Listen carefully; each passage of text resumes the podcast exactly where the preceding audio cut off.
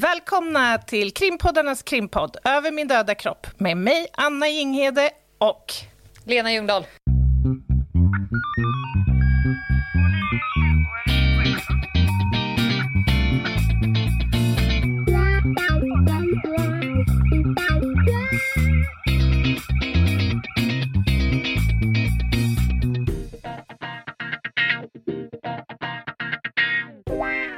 Idag var jag på hugget.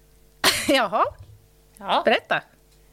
Det är årets absolut sista poddavsnitt. Ja, Vad hände egentligen? vad hände? Ett helt år har passerat. Det här är 91 avsnittet. Kunde du se den komma i november för Nej. ett år sedan? Det kunde jag väl inte riktigt göra. Men- jag konstaterar glatt att vi har inte direkt legat på latsidan. Nej, det känns. Om jag ska vara helt ärlig. Ja, men jag tror att må- många människor förstår kanske inte vad det innebär att göra en podd. Det är liksom inte bara att sätta sig och prata rakt upp och ner, utan det fordrar en viss grad av förberedelse och efterarbete. Mm. Och framförallt när man är två personer som tänker att vi gör två i veckan. Det måste ha Och varit din lajvar idé. på lördagar och skriver en bok också. Men fan vad kul vi har haft. Och vi, apropå det Anna, jag kommer att leverera idag. Oh, När du väl har eh, sagt och introducerat dagens ämne, som kommer bli ganska tungt, så eh, vik hädan alla ångestmonster. Jag kommer att försöka plocka upp oss ur the valley of death på slutet. Och jag kommer också ge mig på att rappa, rap-sammanfatta år, rövåret anno 2020. Och, och för er nytillkomna lyssnare så skulle jag vilja säga så här att det är värt att lyssna på 91 avsnitt av podden för att få uppleva detta. Missa Ja. inte Ljungdahls rap i Nej, slutet den kommer avsnittet. på slutet. Mm. Men eh, en snabb reflektion av måndagens spaning. Mm. Som blev, för mig, ganska tung. Mm. Jag, jag bläddrade mig ner i det filosofiska rummet. Ja, det gjorde du. Och, och det roliga är att det folk inte vet, men det jag vet och det jag hör på podden, eftersom jag vet det, var ju att du var ju tämligen salongs. Jag var lite salongs, det var jag. Och det är med viss skam jag lyssnar igenom avsnittet för att jag känner att jag kör både jordgubb, lakrits och Coca-Cola-smak på Hubba Bubbat i det där avsnittet. Alltså, vi ligger på så in i helvetet olika frekvenser Ja. i det här avsnittet. Ja, det gör vi. För hade du, alltså, jag är lite tacksam för det, för hade du eh, hakat på mig Ja. där jag befann mig liksom mentalt och själsligt och det liksom mina konfunderingar, då hade jag förmodligen börjat lipa. Ja, jag förstår. Men när ja. du hela tiden plockade upp det, det blev som att du vet, någon slog mig med en rosa dunkudde i ansiktet samtidigt som jag försökte liksom jag tycker ändå det är lite kul att konstatera att jag vill åka och titta på tennis och du vill skala av dig några lager av, av dig själv. Ja. Men hur chockad blev inte du på Facetime efteråt när jag konstaterat men vad fan, jag har ju bakat bullar med, med Björn Borg och Loredana i deras hem. Jag orkar inte Vetebullar. ens höra om det där. Men Anna, Mm. vi har så mycket att säga idag så vi får nog gå på veckans ämne. Och det är ett önskeämne framförallt från mig. Ja. Jag tycker att det är dags nu att du tar och berättar lite mer ingående hur fan det var där borta i Thailand Mm. eh, 2004.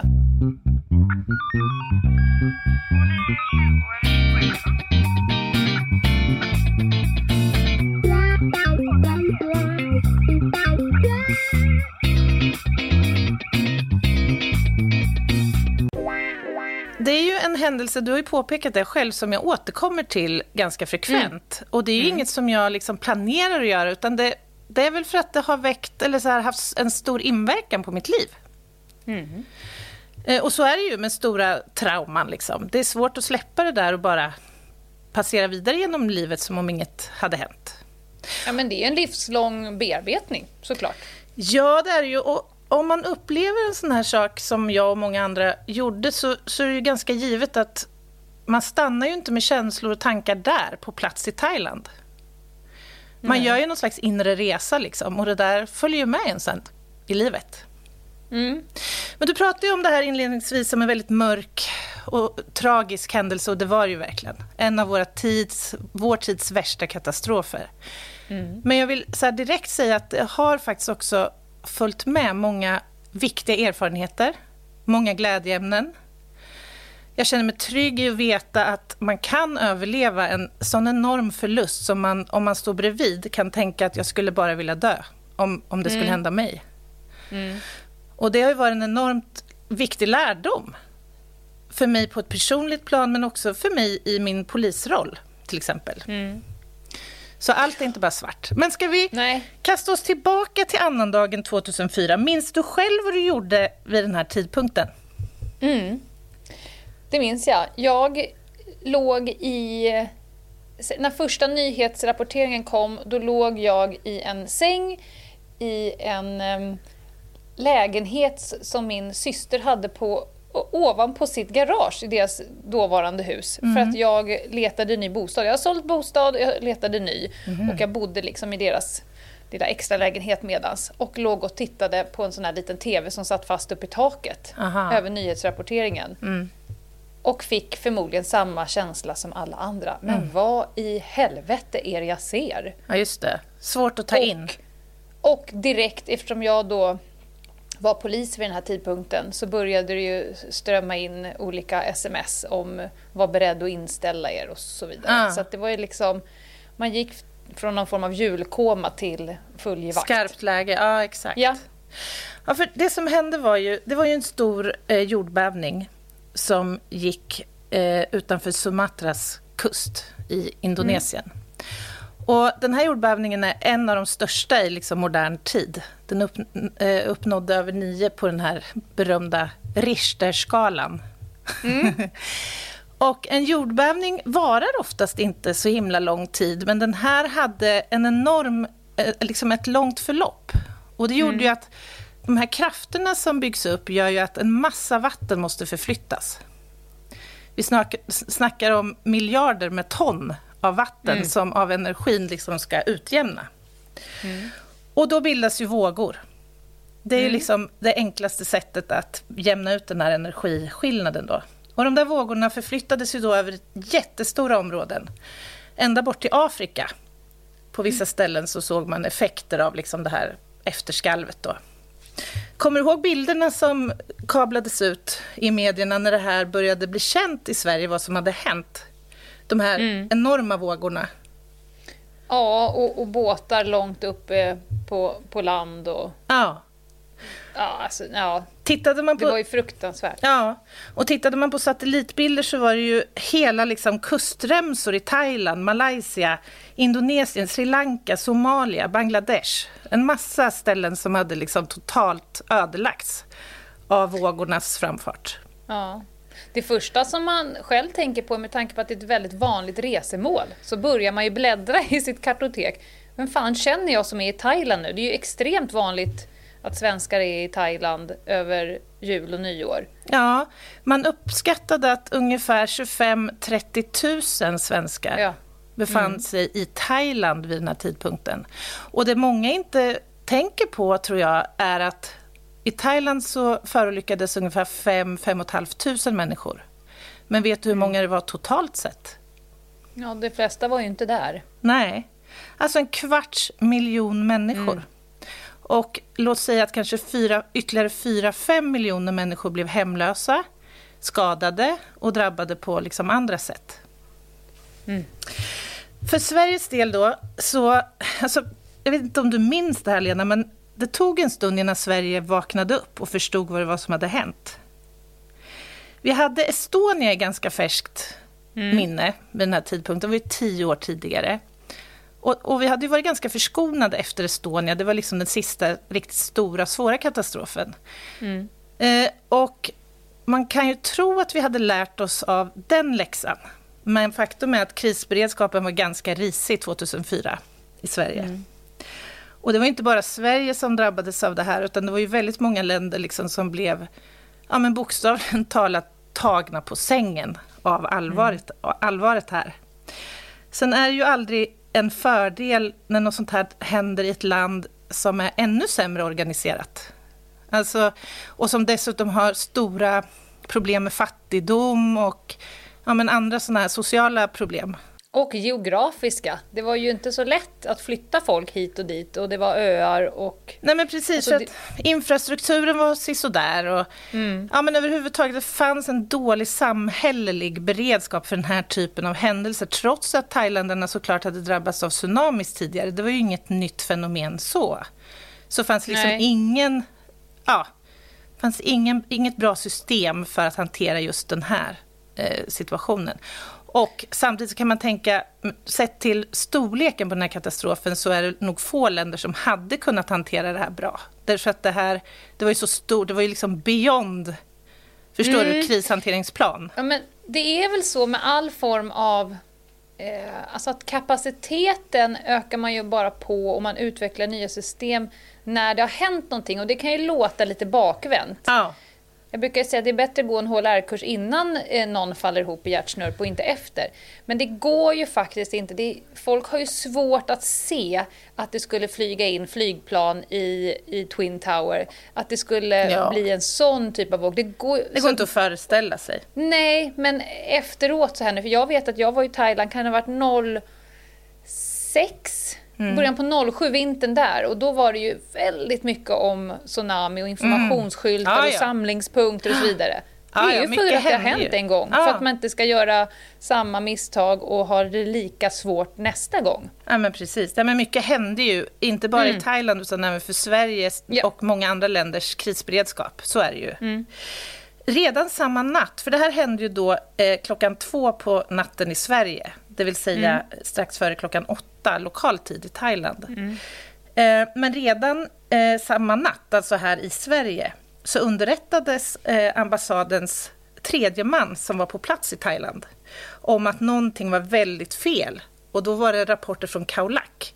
Det var väldigt mm. höga vattennivåer och sådär. Så att man påbörjade ju liksom något slags internt så här, rekarbete redan samma natt. Men i Sverige så rapporterades det här om som en händelse där man ännu inte hade sett några eh, skador på svenskar eller omkomna svenskar. Aftonbladet rapporterade dagen efter att eh, alltså en, ett helt dygn senare att en till två svenskar var omkomna i mm. Thailand. Så att Alltså det tog ett antal timmar innan man förstod omfattningen mm. av det här och UD blev ju såklart underrättade. Man började då fundera på hur många samtal kommer vi kunna förvänta oss? Och då hade man Estonia att jämföra med, alltså anhöriga till saknade som ringer, drabbade på plats som ringer, anhöriga som är oroliga. Men du förstår, alltså det tryck som man direkt måste mm. kunna mm. hantera var ju enormt. Så man räknade med att vi kanske skulle behöva ta emot 600 000 samtal i växlarna de första dygnen efter den här katastrofen. Ja. Och det är ju inte gjort i en handvändning att lösa en sån situation naturligtvis.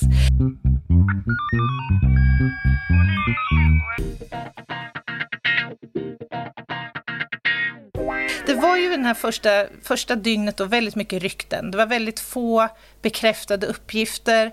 Man försökte på olika sätt att få en uppfattning om läget. Man mm. ville också att regeringen skulle uttala sig. Du kanske minns att Laila Freivalds gick på teater? Ja. Hon, hon var inte superintresserad där. Eller rättare sagt så var det nog så att hon förstod inte allvaret Nej. i detta. Eh, och UD vid den här tidpunkten saknade arbetsledning så att det var dessutom väldigt internt stökigt här första tiden innan man fick klarhet i hur man skulle attack attackera det här. Mm. Kommer du ihåg listorna? Listorna över saknade som mm. eh, man pratade väldigt mycket om.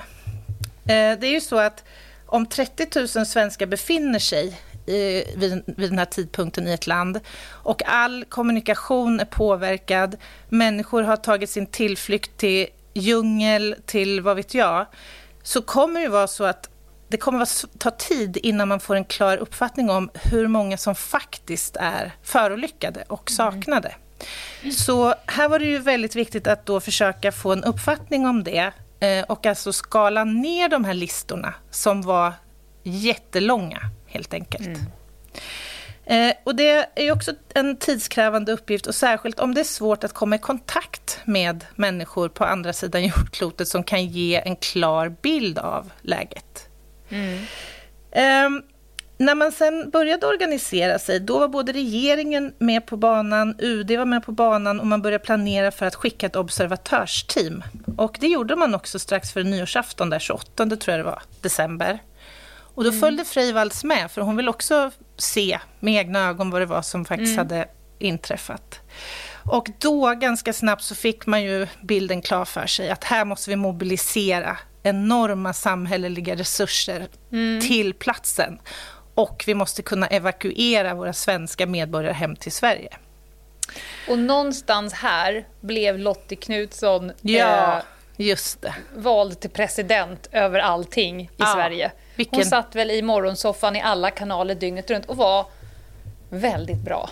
Hon var fantastisk skulle jag säga, mm. för att det hon gjorde var ju att direkt slå halt på alla inkommande flyg, försöka mm. liksom lokalisera sina resenärer, uppskatta hur många som fanns i området vid tidpunkten och allt det här. Och, och hennes roll var ju, vad var hon, kommunikationschef ja. på fritidsresor typ? Ja, men, ja, exakt. Men hon tog ju en enormt större roll eh, såklart att hon hade en viktig roll som det, men för alla svenskar här hemma mm. så, tog, så fick hon en enormt viktig roll. Och därför folk tyckte att du borde bli politiker, du borde bli ja, statsminister. Ja. För hon fick en sån viktig roll i människors törst efter information, efter mm. tröst, mm. efter svar, efter att vara sedda, hörda och bekräftade och så vidare. Så hon blev ju eh, mycket tyngre och viktigare än vad jag tror att kanske fritidsresor hade räknat med när man gav hon, henne jobbet. Rätt person på rätt plats, verkligen, Verkligen. Hon släppte ju liksom all sin prestige och allt åt sidan och gav mm. den här, det här svåra på något sätt ett ansikte och skänkte mm. också viss trygghet och lugn tyckte jag. Hon var mm. väldigt professionell. På nyårsafton då skickades ett eh, första identifieringsteam till Thailand och ett ytterligare ett till Sri Lanka. För det var nämligen så att vi hade förlorat, trodde vi, en svensk medborgare, eller en medborgare var saknad i Sri Lanka. Mm. Så ett team åkte dit. Vi, vi, visste ju inte då hur många det var som det faktiskt var frågan om. Eh, men det visade sig att där kunde inte det här ID-team, ID-teamet göra så mycket, så att den styrde om och anslöt till det här första teamet då, i, som hade rest till Thailand. Mm. Och i teamet så ingick då en rättstandläkare, min kollega på Rättsmedicinalverket, eh, kriminaltekniker, ja, och några andra tjänstemän från polisen bland annat. Eh, mm. och även Räddningsverket ville ju vara med här och få en uppfattning för att kunna påbörja räddningsinsatser. För det var ju också mm. en stor puck att försöka mm. lösa. Så det här var liksom det första steget. Vi snackar då fyra dagar efter katastrofen så åker två team från Sverige ner till Thailand för att eh, hjälpa till med identifieringsinsatsen. Och det här är ju ett begrepp som vi känner igen från olika typer av katastrofer, alltså ID-kommissionen. Eh, ID-kommissionen kan inte arbeta i ett land där svenskar har förolyckats om inte det aktuella landet begär hjälp. Mm -hmm. I katastrofen så var det ett femtontal länder som förlorade medborgare. Och tänk dig då att alla de här länderna skickar sin personal till katastrofområdet. Ja. Det blir cirkus. Mm. Och så var det här i början också. Vilka tror du var, på, var först på plats i Thailand? Vilken nation tror du? En väldigt stor och mäktig nation. Jag kan tänka mig att USA fladdrade dit först. Jänkarna var absolut först på plats. Eh, ja. De är ju handlingskraftiga i de här lägena. De skickade sina navies och alla möjliga och försökte skapa struktur här och organisera upp det här. Mm. För att nu var det ju verkligen dags att fundera på hur skulle alla dessa människor kunna dels tas hand om och dels identifieras. Om man vill försvåra en identifieringsoperation då ska man ha stark, starkt UV-ljus, gärna mycket sand och jordbakterier, mm. värme mm. och inte skydd för kroppar. Nej, det låter som ni hade toppenförutsättningar. eller hur? Mm. Ja, men, prio ett här var ju att ta hand om kropparna och samtidigt då alla skadade. Få in de avlidna i kyla och sen kunna styra upp en bra organisation för själva identifieringsarbetet. Mm. Man skickade stora containers med is till platsen. Långtradare kom in med is. Och I diskussionerna som fördes här så dök ju många tankar och aspekter kring etik upp och moral såklart. Mm. Är det etiskt att hantera de avlidna på det ena eller andra sättet? Förslag som kom upp tidigt var att vi transporterar alla kroppar till de olika templen. För där får de ro, rent liksom, vad ska mm. man säga, filosofiskt. Och, kommer de religiösa aspekterna ja, in också? exakt, de religiösa aspekterna. Och dels så kunde de få skydd av ett enkelt tak. Liksom. Mm. Det var vad man hade att jobba med. Och då kan vi föreställa oss att i de här templen så bor det ju människor. Munkar som lever i den här mm. miljön och där deras hem bokstavligen talat förvandlades liksom till en... Ja, men förstår bårhus. du? Ja, till, till ett bårhus. Men det var så det fick bli. Så att man upprättade uppsamlingsplatser på fyra olika ställen eh, på de mest drabbade platserna. Krabi, Kaulak och Phuket. Och när man ska dra igång då den här operationen, då måste man ju också ha en tanke kring hur ska vi jobba här? Vi måste ha olika stationer. Vad behöver vi för att kunna genomföra det här? Vi behöver rinnande vatten. Ja, du förstår, alltså, det är ju inte bara att sätta igång en identifieringskedja, om man Nej. säger så. Utan det fordrar ju en hel del andra aspekter först som ska lösas. Liksom. Eh, och vid de första, de första identifieringarna som gjordes enligt konstens alla regler, det skedde under bar himmel, utan rinnande vatten och utan egentligen mm. några faciliteter alls. Mm. Direkt efter katastrofen så identifierades ungefär 500 människor visuellt. Det här var ju en så kallad öppen katastrof. Eh, till skillnad från de här som vi kallar för slutna. Vi hade ingen jättegod uppfattning om vilka människor som hade förolyckats och som var drabbade och vi hade inga passagerarlistor eller annat som med säkerhet kunde ringa in ett visst antal människor. Så, Nej, att, okay. så att det som gjordes här då var att man samlade, upp, eh, samlade ihop de här stackars människorna till de olika templen och sen så kom anhöriga då som hade överlevt det här svåra och letade efter sina som inte längre fanns i livet. Eh, nu har jag en fråga. Ah. Eh, nu är det ju team från Sverige där. Det kommer också komma team från andra länder. Det finns döda kroppar här och var uppsamlade på olika platser. Är mm. svenska ID-kommissionens jobb... Det blir svårt att bara eh, identifiera svenska personer för det vet man inte förrän man har identifierat dem. I vilket, i vilken, vid vilken tidpunkt säger man oj, oj, den här personen är inte svensk? Lämnar man över till nästa då, eller hur går det där till? Vilken bra fråga. Det finns en förutfattad eh, mening som jag har stött på genom åren kring detta. Det är alltså inte så att när ett identifieringsteam från ett land åker till ett annat land för att biträda en identifieringsoperation så jobbar man ju inte bara utifrån sina egna medborgare. Därför att det har man ingen aning om.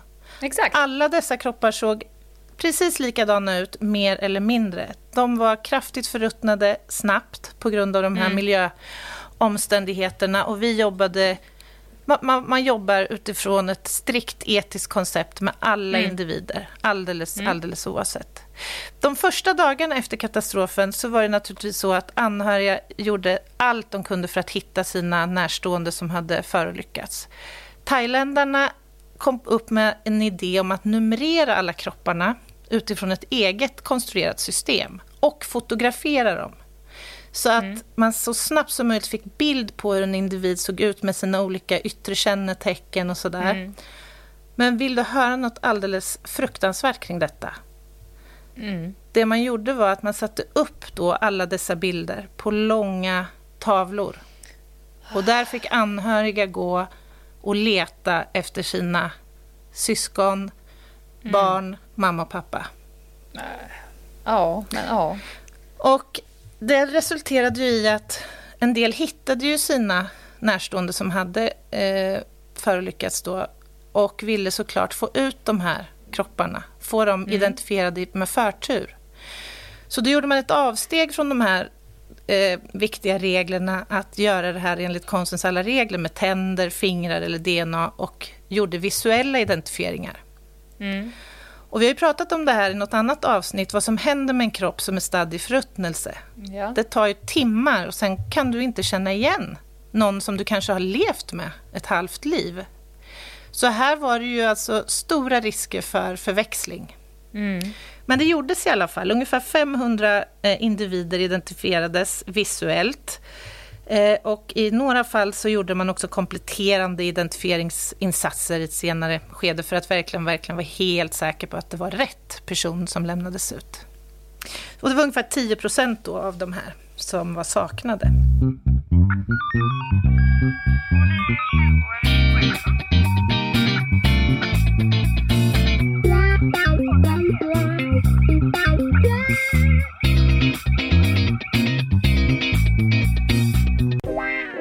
Dagarna och veckorna gick. Man började få lite snurr på den här första tidiga identifieringsoperationen. Mm. Jag, vid den här tidpunkten, befann mig i Sverige fortfarande. Jag hade precis gått min rättsodontologiutbildning. Jag var tämligen ung och jag var tämligen oerfaren. Eh, och inte polis ännu? Utan... Inte polis. Nej, Nej tandläkare. Mm. Jag var tandläkare, ja, precis. Och hade specialiserat mig i rättsodontologi. När det här hände på annandagen, då låg jag hemma i influensa. Det är enda gången jag haft influensa, tror jag. Ja. Då låg jag febersjuk i en soffa och följde nyhetssändningarna. Och min man sa då, eller min då blivande man sa, tänk om de ringer. Tänk om mm. de ringer och säger att du ska hjälpa till i det här. Du är inte klok, sa jag. Det, det, kan, det är väl inte troligt eller rimligt. Mm. Men så blev det ju. Så mm. att eh, tidigt på vårkanten då, 2005, så fick jag samtalet eh, från ID-kommissionens ordförande Stig Edqvist som frågade kan du åka till Thailand och biträda identifieringsarbetet. Oj, sa jag, jag måste ju prata med min chef och jag måste, ja, jag, jag måste landa lite i det här. N när i så fall, frågade jag. Imorgon, sa han. Mm. Så det blev Tänkte du någonsin att du skulle säga nej, Anna? Nej. Du känns inte som personen som bara, nej, vet du vad, jag ska på Zumba på tisdag. Du känns ju som personen som redan har packat, eller? Ja, men eller har du blivit en sån person? Nej, ja, nej, det skulle jag inte säga, utan det var ett ganska lätt beslut. Jag ja. vill ju naturligtvis få det här sanktionerat från olika håll, men alltså mm. innerst inne så fanns det egentligen aldrig någon tvekan. Det, det gjorde det inte.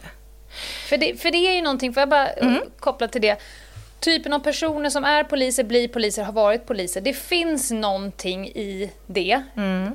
Jag skulle säga att det är lite samma med vårdpersonal. Mm. Som att när det skiter sig, då spelar det inte längre någon roll. Till exempel när det var eh, terrorattacker på Drottninggatan, då stod det liksom långa rader av sjukvårdspersonal som ville börja jobba. Mm. Och när coronakrisen kickade igång och man blev tagen på sängen och det var så här, men gud vad gör vi om alla poliserna blir sjuka, hur gör vi? Mm. Då vart det ju liksom upprop på Facebook, varenda jävel som har sagt upp sig mm. och jobbar med annat gjorde ju handen upp. Jag, Meta, alla mina andra kollegor som har sagt upp sig, bara var ska jag börja jobba? Sätt mig och tillverka pass, hålla barnför, ja. gör vad ni vill för att folk ska liksom eh, kunna vara sjuka mm. eller, eller behöva göra någonting. Mm. Det, och det är, ju, det är ju någonting. Det ligger i oss helt enkelt. Ja, men jag, jag förstår vad du menar. Jag, jag håller helt med. Det, det, är någonting som förenar oss, faktiskt. Mm. Ja. Eh, när jag väl satt på det där flygplanet ner till Thailand så kunde jag naturligtvis inte på något enda sätt föreställa mig vad jag skulle exponeras för. Jag hade fått tagit del av lite dokumentation, lite bilder. Jag hade fått beskrivet för mig ungefär omfattningen och hur arbetsdagen ungefär skulle komma att se ut. Mm. Men jag, jag, kan inte beskriva det på något annat sätt än chockartat, det jag sen såklart fick uppleva. Alltså komma från min skyddade verkstad hemma i Sverige, skjutsas mm. av polisen rätt ut till detta det slutliga identifieringsområdet där, dit alla kroppar samlades. I, Var var det någonstans? Det var eh, vid, i Pucket vid flygplatsen, väldigt nära flygplatsen. Och var bodde du? Hur jag, var din tillvaro? Liksom? Jag bodde på ett hotell där en svensk eh, operationsinsats kan man säga, etablerades mm. väldigt tidigt. Så där fanns både kyrkan, Räddningsverket, sjukvården, polisen okay. och RMV. Mm. Och där bodde vi under hela, den här, hela året. egentligen, 2005. Kände du någon när du kom till plats? Ja, några stycken. Jag var bekant med några poliser, jag var bekant med några av läkarna och assistenterna. Men okay. ingen nära, det, det, kan jag inte säga Nej. som jag hade jobbat med eller så. Men, men några som jag kände till, så var det. Vad packade du när du åkte, förutom dina jobbgrejer? Oj. Visste du hur länge du skulle vara där? Bra fråga. Tanken var att jag skulle vara där två, max tre veckor. Ja. Och det blev sju veckor första svängen. Eh, Men vad packade du då? Vad, vad, hur tänker man när man ska åka? För du, du, visste ju i alla fall vad ditt jobb var och ja. vad du var satt att göra. Vad, vad, stoppar man ner i väskan då, förutom dina liksom, proffsiga jobbprylar? Ja. ja, men det var ju mycket fokus på så här, hur just jobbprylar faktiskt. Vad ska mm. jag ha på mig under, liksom, i den här miljön? Vad, vad ja. arbetar jag i? Så det var ju att köpa gummistövlar, ja men du vet, rigga med sådana praktiska saker. Mm. Men i övrigt så var det ju, det hade jag fått beskrivet för mig, att du behöver egentligen inte ha så mycket kläder, för du får ju det på plats. Eh, mm. Jag hade såklart lite privata kläder och sådär. Eh, skriv, anteckningsbok hade jag. Jag skrev faktiskt dagbok under den här tiden. Mm. Eh, men väldigt lite egentligen, faktiskt. Så att, ja, och det var nog så att jag inte hade så mycket tid egentligen att göra den där långa, Nej. ordentliga packlistan. Liksom. Jag drog ju via UDs läkarmottagning, fick fyra vaccinationssprutor i ena armen och fyra i den andra. Och sen pang så satt jag på flygplan ner till Thailand. Så det gick väldigt fort. Jag har ju en sak som jag alltid, alltid, alltid har med mig på resa. Aha. Var jag än åker så är det en sak. Det är en väldigt personlig sak som min son har gjort till mig. Men, men det, jag tänker så att det, det kan vara bra när man åker någonstans och man vet att man kommer ha en tuff tillvaro. Mm. Eh, så finns det ju liksom saker som kan hålla mm. en nere på jorden. Mm. Fötterna på marken, liksom att det finns någonting där hemma, det finns en, en tillvaro som är normal, du kommer komma tillbaka till den och så vidare. Mm. Jag tror att det är Eh, för ibland ser jag, jag har jobbat en del med Sida till exempel och deras biståndshandläggare och så. Mm. Eh, det här med kontakt med verkligheten Mm. ökar på din egen uthållighet när Verkligen. du väl står i skiten. Så mm. att, och det är ju väldigt personligt vad, vad, som behövs. Men, men det, är i alla fall, det kan liksom stå på packlistan när man får mm. från nu ska du göra det här. Glöm inte. Jag tycker det är liksom professionellt. Ja, verkligen. Mm. Jag tror att hade jag haft barn vid den här tidpunkten, då tror ja. jag att det hade varit lite annorlunda. Ja. Men jag kan nämna att jag tog med mig en sak tillbaka från Thailand, som jag tittar mm. på varje dag. Mm. Jag tog små delar av marmorgolvet på Svenskhotellet i Kaulak, när jag åkte och mm. besökte och såg förödelsen där. Och det är mm. liksom min lilla påminnelse om att mm. faktiskt ta vara på stunderna som jag har fått. Bra. Men i alla fall, när jag väl kom ner då så fanns det betydligt bättre förutsättningar att jobba med de avlidna. Det fanns mm. då ett fältsjukhus som hade iordningställts som tre separata bårhus. Mm. Så gången var helt enkelt utifrån då en förbestämd... För så är det när man gör såna här identifieringsinsatser, att man måste bestämma först hur arbetet ska läggas upp. Ska vi ta prov för DNA? Vad ska vi i så fall ta? Här var det ett stort problem med DNA-prover för det gick varken att säkra bra prover eller förvara dem i väntan på att de skulle analyseras. Så det där var en stor fråga som debatterades. Liksom. Men vi tog en tand, vi tog lite lårmuskel och vi tog annat som kunde användas för, för DNA. Mm. Principen var faktiskt, hur otäckt det än kan låta, det var nästan som en löpande bandcykel faktiskt. Mm. Man rullar ut ett par kroppar ur containern, de får tina och sen passerar man igenom de här olika undersökningsstegen. Då. Den där systematiken, den tycker jag är, den är så viktig, men den kan se utifrån lite provocerande ut. Det är bara att jämföra med att när man kommer kanske till en trafikolycka eller vad som helst. Mm. Eh, när poliser och räddningspersonal, sjukvård och så vidare har en rutin och en systematik. Mm. De kan se provocerande lugna mm. ut. Mm. Nu ska jag först göra det här, sen ska jag göra det här. Medan anhöriga och andra som är på platsen kan ibland stå och skrika “men börja jobba då” mm. liksom. Men man vet alltid att det kommer skita sig om det blir formation skithög i början. Ja. Så att ibland måste man ta, köpa sig själv tiden i början att lägga upp mm. det här systemet för att det ska bli bra. Ja, men... eh, för alla och i i längd, i tid. Ja, och föreställ dig att här var det alltså 28 olika länders identifieringskommissioner till Ja. en början. Till, sen bantade man ner till sex eller sju stycken som roterade, varav Sven, Sverige var en nation. Men i början här när jag kom, det var ju kaos, för att alla hade ju sina egna idéer om hur det här bäst skulle hanteras.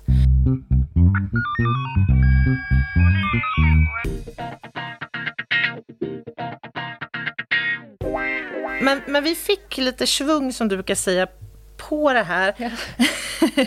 och eh, om jag bara ska kort beskriva vad man gör då, så är det ju att först fotografera kropparna med och utan kläder. För allt det här, all den här informationen blir ju jätteviktig när man sen ska försöka genomföra själva identifieringen. Rä- eh, Rättsläkaren kommer läsa upp vilka skador som den omkomna har. Och då är det en dok- eh, kriminaltekniker som dokumenterar skadorna samtidigt och för anteckningar. Eh, sist på den här linan, ja, jag ska säga att rättsläkaren tar ju också sina prover för DNA-analys. Eh, och all information som kan vara identifieringsmässigt värd någonting. R på kroppen till exempel, eller konstaterar Tatueringar. man... Tatueringar. Ja, exakt. Sista stationen på linan är ju då min station, eller vår station. Då jobbar man två tandläkare åt gången. En som jobbar rent och en som jobbar smutsigt, som det kallas. Så den som, Beskriv gärna de Ja. två skillnaderna. den som jobbar smutsigt eh, jobbar med kroppen. Så att man genomför en fullständig tandläkarundersökning, precis som den som man gör hos tandläkaren kan man säga. Och den andra skriver. Så att jag säger, om jag undersöker en kropp så säger jag vad jag ser och min kollega kommer att anteckna det jag säger. Ungefär det som händer när man själv är hos tandläkaren. Ja, det är egentligen Att ingen... en rotar och en noterar. Mm, ja, men det är liksom ingen större skillnad. Nej, såklart. Och jag tar ju även då fotografier och rö- Mm. röntgenbilder. Och när jag liksom har samlat in så mycket information som möjligt om den här individen så kommer min rena kollega att läsa upp vad jag har sagt och jag dubbelkollar igen. Mm. Och så här, det här sker liksom hela tiden under den här långa processen, att man gör såna här kvalitetskontroller så att ingenting får bli fel. Nej. I den här processen så, så försöker man också att ta fingeravtryck om det går. Det var inte alltid möjligt. FBI lärde ut sin berömda kokmetod och lite andra såna tips och tricks som är möjliga att använda sig av när kropparna är så nedbrutna. Så det, Det har ju du beskrivit så himla ingående och bra i ett annat avsnitt. Precis. En fråga, Anna. Mm. Vet du hur många personer du gjorde de här smutsiga och rena undersökningarna på? Oj, alltså jag var ju där i tre omgångar. Eh, vad skulle man kunna... Alltså säkert 500 i alla fall. Det tror jag. Kanske mer. Jag vet aldrig vad jag ska säga. Eh, Du, din profession, som umgås en del med döda, Ja. kallar du dem för kroppar? Kallar dem för personer? Avlidna? Bortgångna? Vad är liksom din bästa definition på en person som har dött? Alltså för mig är det ju fortfarande, det är ju fortfarande människor definitionsmässigt. Och jag vill gärna prata i den, de termerna. Men när man pratar om det medicinskt så gör man inte det. Utan man pratar Nej. om dem som avlidna eller kroppar. Det, det är liksom det mest För det vedertagna. kan ju bli lite eh, missförstånd om man säger att jag har undersökt eh, 400 människor idag. Exakt. Okej. Exakt. Så det är av, det är av sådana skäl, tror jag, som man Ja, inte okej. gör det. Helt enkelt. På den här platsen där vi genomförde den här, eh, det här arbetet så jobbade unga militärer, thailändska, alltså pojkar i sex- 15-16 års åldern. Kan du tänka dig att stå ut med detta varje dag under nästan ett helt års tid? Den lukt och den stank som låg som ett täcke över det här området är ju obeskrivbar. Och vi jobbade långa dagar, från tidiga morgonen till sena kvällen. Och när vi åkte hem med den här bussen på kvällen, då var det ofta så att det tog inte mer än en minut tror jag innan nästan alla i den svenska insatsen sov. För man var fullständigt, fullständigt utmattad. Men jag vill också vara tydlig med att säga att det här var ju en del av identifieringsprocessen. Nu hade vi då samlat in uppgifter om de döda. Och de här uppgifterna måste ju jämföras mot någonting. Och de uppgifterna som vi skulle jämföra det här mot hämtades ju in från respektive land.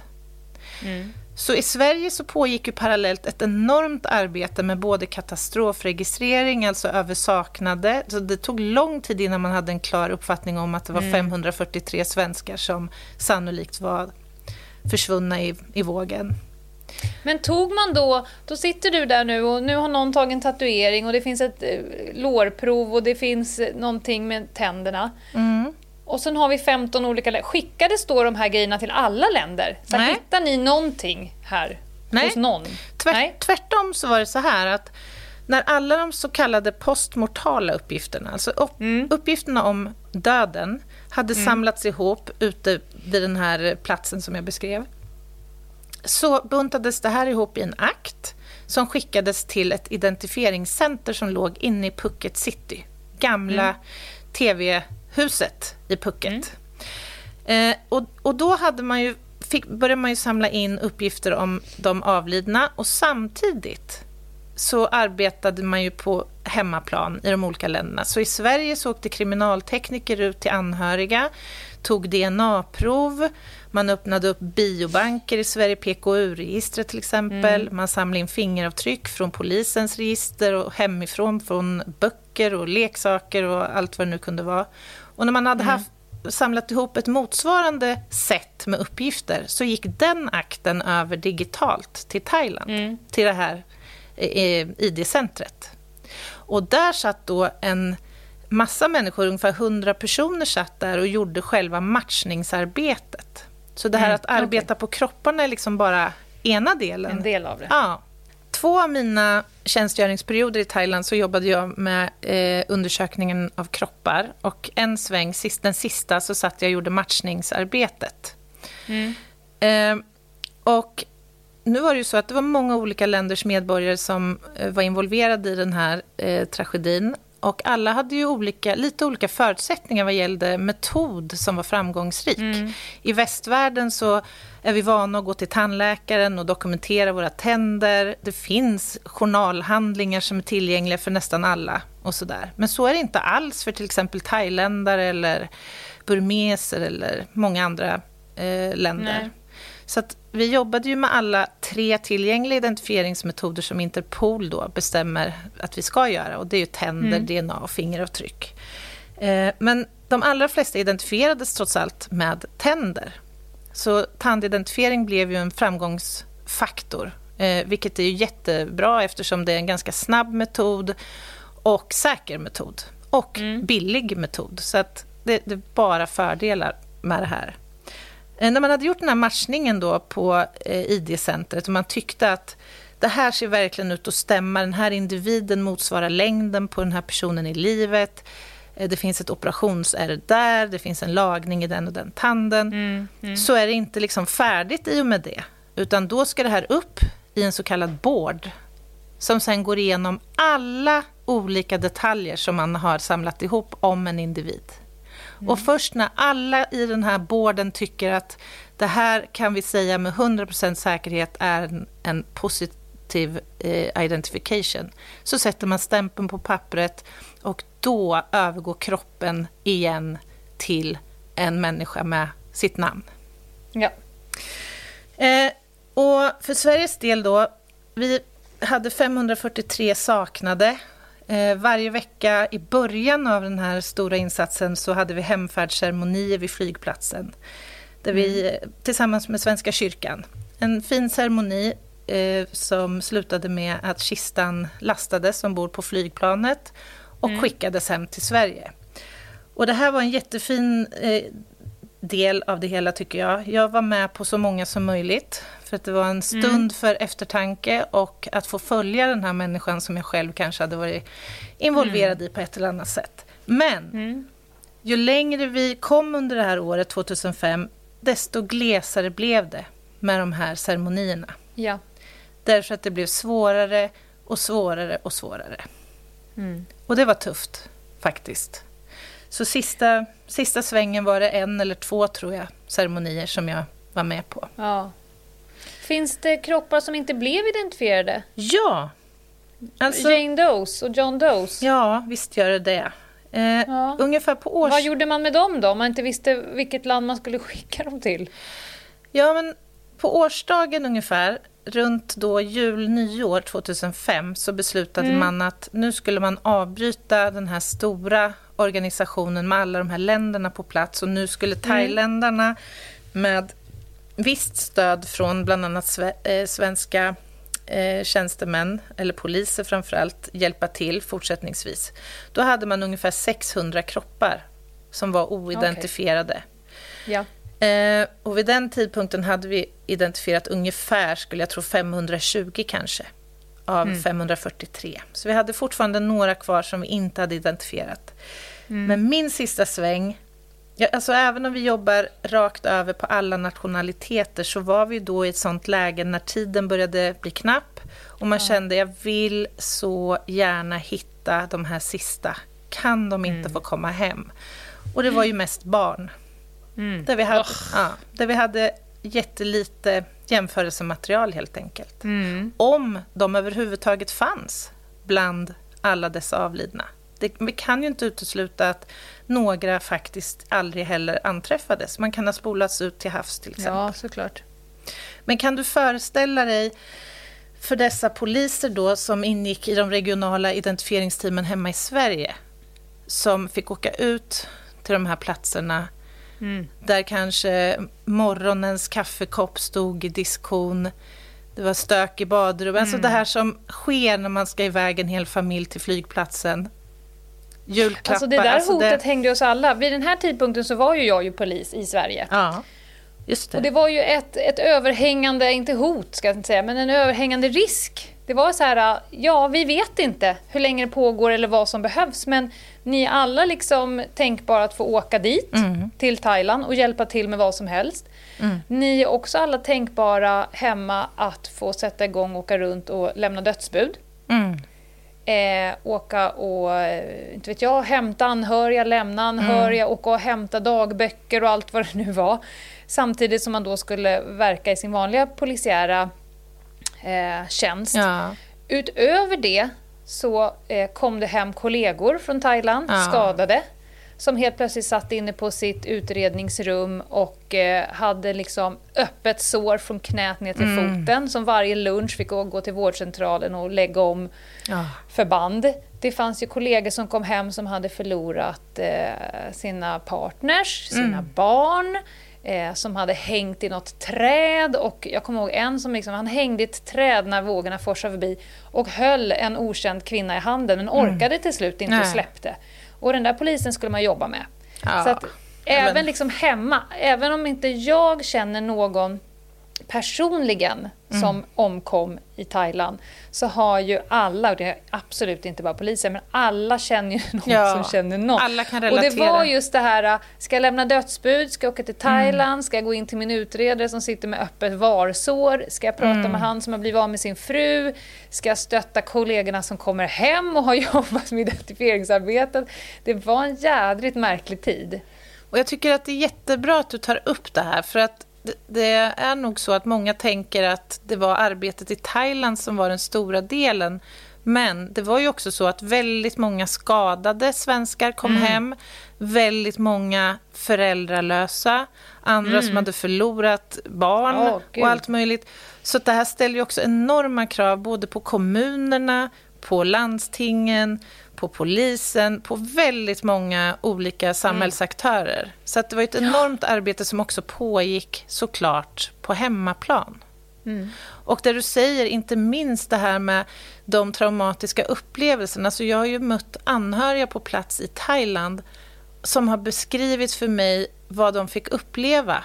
Hur man får mm. tvingas välja mellan att släppa taget om det, det större barnet före det mindre till exempel. Äh, alltså sådana historier. Oh som... Jag, jag får rysningar nu när jag liksom mm. pratar om det. Men, men man kan ju aldrig förstå liksom, nej, nej. Hur, hur svårt det är att hantera det här på lång sikt. Mm. När de här kropparna, eller nu människorna då som hade återfått äntligen sina namn och identiteter kom till Sverige mm. så, så kom man först till Ärna utanför mm. Uppsala. Mm. Så där skedde också en liten ceremoni och den slutliga, slutliga identifieringen. Så mm. för att vara helt säker att inget hade hänt under transporten eller på något sätt förväxling av papper eller någonting mm. annat, så gjorde man där ytterligare en sista kontroll och sen mm. hade en liten fin ceremoni för de här, innan de till slut fick överlämnas till anhöriga för jordfästning och annat.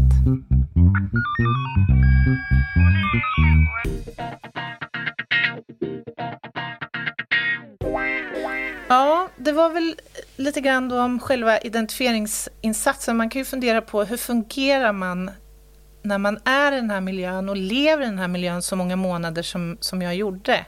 Mm. Man måste förstå att katastrofer har olika förutsättningar när det gäller just valet då av metod. I Thailand så sa jag att det var någonstans mellan 75 och 80 procent tandidentifiering. Medan om vi jämför med World Trade Center till exempel var det kanske lika stor andel DNA-identifiering som det byggde ja. på. Men i och med att det blev så mycket identifiering med hjälp av tänder så krävdes det också tandläkare. Och mm. vi är inte så många i världen. Och i synnerhet inte i Sverige. Och det gjorde att jag och mina kollegor från Sverige fick ju vara där väldigt lång, mycket längre tid liksom än vad vi hade planerat för. Mm. Men det blir en vardag på något konstigt vis. Det blir ett arbete man går till och man måste förhålla sig till det på det sättet. För skulle jag ha tagit in varje litet barns mm. öde, varje kropps öde, människas öde, så hade jag ju naturligtvis inte fixat detta. Nej, men man har ju en fantastisk kapacitet, oavsett om man har uniform på sig eller inte, mm. att sätta på sig den här jobbrustningen och gå in i work mode. Mm. Det är en ren självbevarelse och en överlevnads... Eh, liksom, perspektiv, eller en, en, metod som, som vi har fått för att vi är tvungna att ha det. Det kan man ju mm. se mycket i kaos och kris, att människor blir ganska metodiska där och då för att sen efteråt kanske känna tomhet, få chock, börja gråta. För det funkar inte i stunden. Nej. Och jag tycker... Men frågan är hur man upprätthåller det under så lång tid som du var. Sipprade det aldrig in? Inte där och då. Eh, och det tror jag beror på att dels fokuset, eh, stöttningen av att vi alla som var där på plats jag tror att det mm. var ungefär 300 som bidrog i identifieringsinsatsen totalt sett från alla länder under året. Vi mm. hade varandra, vi fann varandra i den här stora, svåra situationen och vi gjorde allt vi kunde för att komma i mål med detta. Det mm. blev ju till slut jag minns sista veckorna, jag satt varje vaken minut och gick tillbaka och, för att se, finns det någonting mm. mer vi kan kramma ur här? Försöka komma lite mm. längre. Ni delade ju också upplevelser. Ingen var ju ensam i Nej. sin egen upplevelse. Ingen var ensam. Men Nej. när jag väl kom hem sen, bara för att svara på din fråga, det var då den stora, stora tomheten kom. Ja. Eh, svårt att kliva tillbaka in i, i det vanliga liksom, livet. Eh, och där och då så krisade jag på olika sätt. Det kom ikapp Fick mig. du professionell hjälp? Verkligen inte. jag tänkte ju säga, för nu är det ju liksom... Jag vet ju att jag är med i en organisation där man har hemkomstsamtal med mm. Eh, ja, men typ organisationer som Läkare utan gränser, Clowner utan gränser. Så fort de har varit iväg och gjort någonting som kan upplevas som tufft ja. så är det liksom möta dem på flygplatsen. Och, så, och köra hemkomst. Ja, jag hade så önskat att det hade fungerat mm. så. Jag tog själv kontakt med sjukvården mellan resa två och tre för att i förebyggande syfte få ett avlastningssamtal. För jag kände att min liksom, rygga började liksom bli full. Men det är helt bedrövligt. Det, och det måste man ju lärt sig på någonting. Ja, men vet du vad jag fick för svar? Det? Nej. för det fanns en krisorganisation liksom, för anhöriga och för drabbade. Men ja. i mitt län, där vi var fyra eller fem kanske som var där nere, ja. så fick vi inte åtnjuta den resursen, utan jag blev hänvisad till vårdcentralen. Ja, men, Hur är det nu då, Anna? Nu har det ju gått lite tid. Alltså, jag har ju kommit att förhålla mig till tsunamikatastrofen som en viktig erfarenhet i mitt liv. Mm. Som en betydande del av mitt liv och lite, tror jag, av min identitet faktiskt. Mm. Den har lärt mig väldigt, väldigt mycket. Eh, jag har sett livets förgänglighet på nära håll. Jag tar inte saker för givet och jag lever liksom life så gott och så mycket jag bara, bara kan. Och det tycker jag att alla ska göra, även om man inte har varit direkt delaktig i mm. katastrofen. Känner du stolthet över ditt arbete du gjorde där? Jo, men alltså det kan jag någonstans göra i och med att jag var, dels så var jag så ung. Det var ju inte mm. givet att jag skulle kunna hantera det här med de mm. resurser jag hade. Eh, så det är klart att någonstans känner jag en stolthet, men samtidigt så ligger den här överlevnadsskulden liksom och gnager lite i en också. Mm. Har man rätt att känna stolthet över det här? Det är fortfarande 300 människor som inte har identifierats, vara 15 är svenskar. Det är svårt, det är dubbelt. Mm. Mm, jag förstår. Men, Men du bytte också bana efteråt. Ja, det var det jag skulle säga att det kom ju faktiskt också positiva saker ur den här krisen. Eh, både för mig och för många andra. Eh, för mig så innebar det ju att jag började utvärdera mina val i livet, varav mitt yrkesval var ett. Och jag jobbade tillsammans och tätt med kriminaltekniker på plats. Mm. Som väl får sägas ha inspirerat mig lite grann. Och det var ju då jag sökte polisskolan. ja. Från Thailand faktiskt. Fan vad. Jag kan i alla fall inte tänka mig en bättre person att skicka till Thailand för att eh, liksom vara med i, i den här typen av identifieringsarbete. Men gud vad fint sagt Lena. Tack snälla. Gud, jag tror att många, inte vet jag, tänker tillbaka till eh, vad de gjorde den här dagen. Mm. Eh, vissa kanske de lyssnar på oss kanske till och med har erfarenheter av det. Mm. Alltså var där, känner någon som var där, har förlorat någon som var där. Eh, jag tyckte ändå att det var liksom dags att vi berörde det här ämnet med tanke på att det är en så stor del av dig. Du återkommer ju till det här ämnet. Det, är ju, det har ju satt sina spår i dig och format en del av dig. Absolut. Och du har tagit med så satans mycket erfarenheter av det in i livet och i liksom din polisiära ja, karriär. Varav jag tror att ödmjukhet är den allra viktigaste, faktiskt. Ja. Jaha. Mm. Ja, hur tar Ska jag oss... rappa nu då? det ja, men... känns...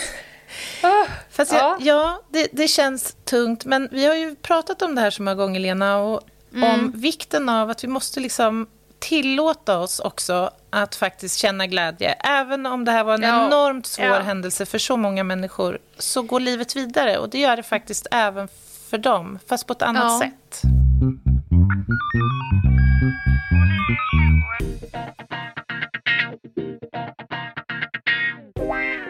Det är ju lite yin och yang, eller jung och ying, ja. eller hur man nu ser det.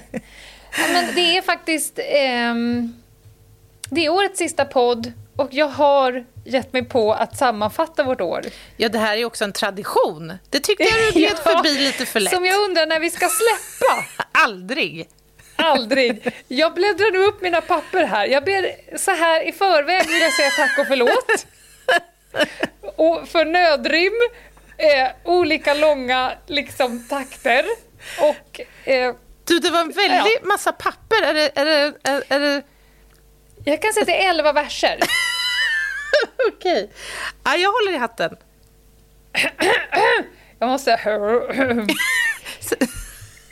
Och de är också i oordning, så bear with me. Det kan ta, vara lite pauser här var. Är du beredd, Anna? Ja. År 2020, vad fan hände där? När ska det vända? Vi undrar bara när. Det känns som att livet har spårat ur rälsen och nu står vi här, lite matta i pälsen. Mycket galet har hänt under året. Fröken Sekret har fått snigelspår på låret. Vi har lärt känna några udda figurer. Gunlög, Göran, Roffe och andra filurer. Under året vi fått svettas och blöda och dragit in på saker som sömn och föda. Jaga tjuvar på TV och gästa var podd. Allting är kul, men det har varit ett jävla rodd. Måndagarna utökade i vår veckas regi. Meta visade åter att hon är ett geni. Mm. Levlade upp podden med en veckans spaning. Vi slog på volley, men hade ingen aning. Fakta med humor är vårat format, till skillnad från GV och hans gamla tjat. Det finns en och annan expert på hög häst. När vi tror på folkbildning med kärlek är bäst. Mm. Hur mycket finns att säga? Det kan man undra. Vi gissade på 20, men närmar oss 100. Vi backar inte ens för semester eller jul. Poddjäveln ska ut så länge vi har kul. Ett udda och rikt språk vi verkar äga. Vi pratar rätt konstigt och skevt så att säga. Rövhatt och kavasch, kan det vara dialektalt? Är det ett debacle eller bara spänstigt oralt? Ibland är det som att i magen det vänder när Anna trär hudkostym över sina händer. Likmask i mun och satser i glas. Spännande att se var gränsen ska dras. Podstore fick öka farten på sina knappar när vi ville sälja muggar och hattar. Anna vägrar klä sig i budskap om snoppen. Skitkul, sa fansen och rusa till shoppen. Det kändes lite skämmigt och ganska förmätet när vi upptäckte en fanclub om oss ut på nätet. Ett jävligt härligt gäng som på Facebook blir flera. För alla som vill umgås, reflektera och diskutera. Och tack till Charlotte och Maria för allt ni kan leverera.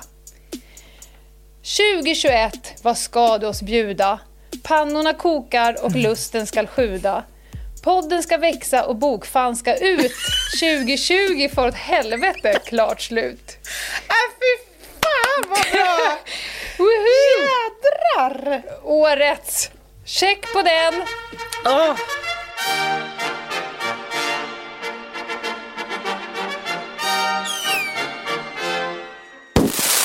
Jag funderar på nästa år, kan man tänka sig att du kommer ackompanjera dig själv med stråke?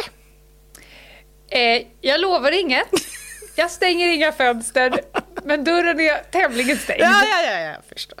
Nej, men Lena, vilken eh, insats och vilket år vi har haft. Och Ja. hur rundar man av det här på bästa sätt? Vi måste ju önska våra lyssnare ett, en god fortsättning såklart och ett riktigt gott nytt år.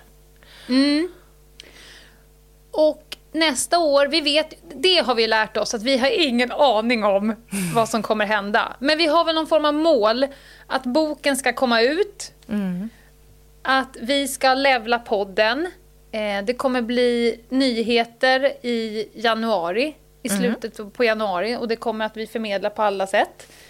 Eh, men i övrigt, Anna, har vi något mål? Kanske att vi ska få till en första livepodd Det är väl ett bra mål. Jag tänker... med baluns. Ja. ja, men det kommer ju bli en ashärlig grej. Men vi vågar ju inte bestämma riktigt än Nej. när, av givna skäl. Men kanske hösten, hösten 2021 är rimligt. Ja. Men det kommer bli. Men eh, finn tröstan. På lördag är det live. Och på måndag är det nytt år och ny spaning. Ja, det ska bli lite härligt också. Kliva in Ja, i ett verkligen. nytt 2021. Yes.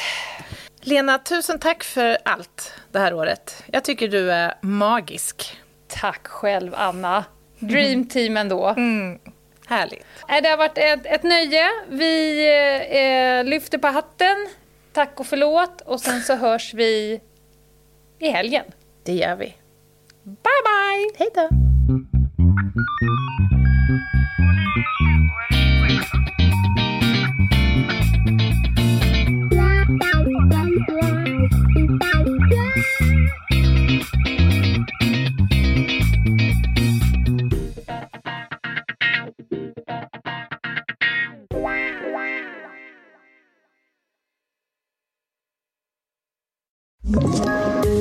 Poddtips från Podplay. I podden Något Kaiko garanterar östgötarna Brutti och jag, Davva, dig en stor dos skratt. Där följer jag pladask för köttätandet igen. Man är lite som en jävla vampyr. Man har fått lite blodsmak och då måste man ha mer. Udda spaningar, fängslande anekdoter och en och annan arg rant. Jag måste ha mitt kaffe på morgonen för annars är jag ingen trevlig människa. Då är du ingen trevlig människa, punkt. Något Kaiko, hör du på Podplay. Därför arkadeinerna.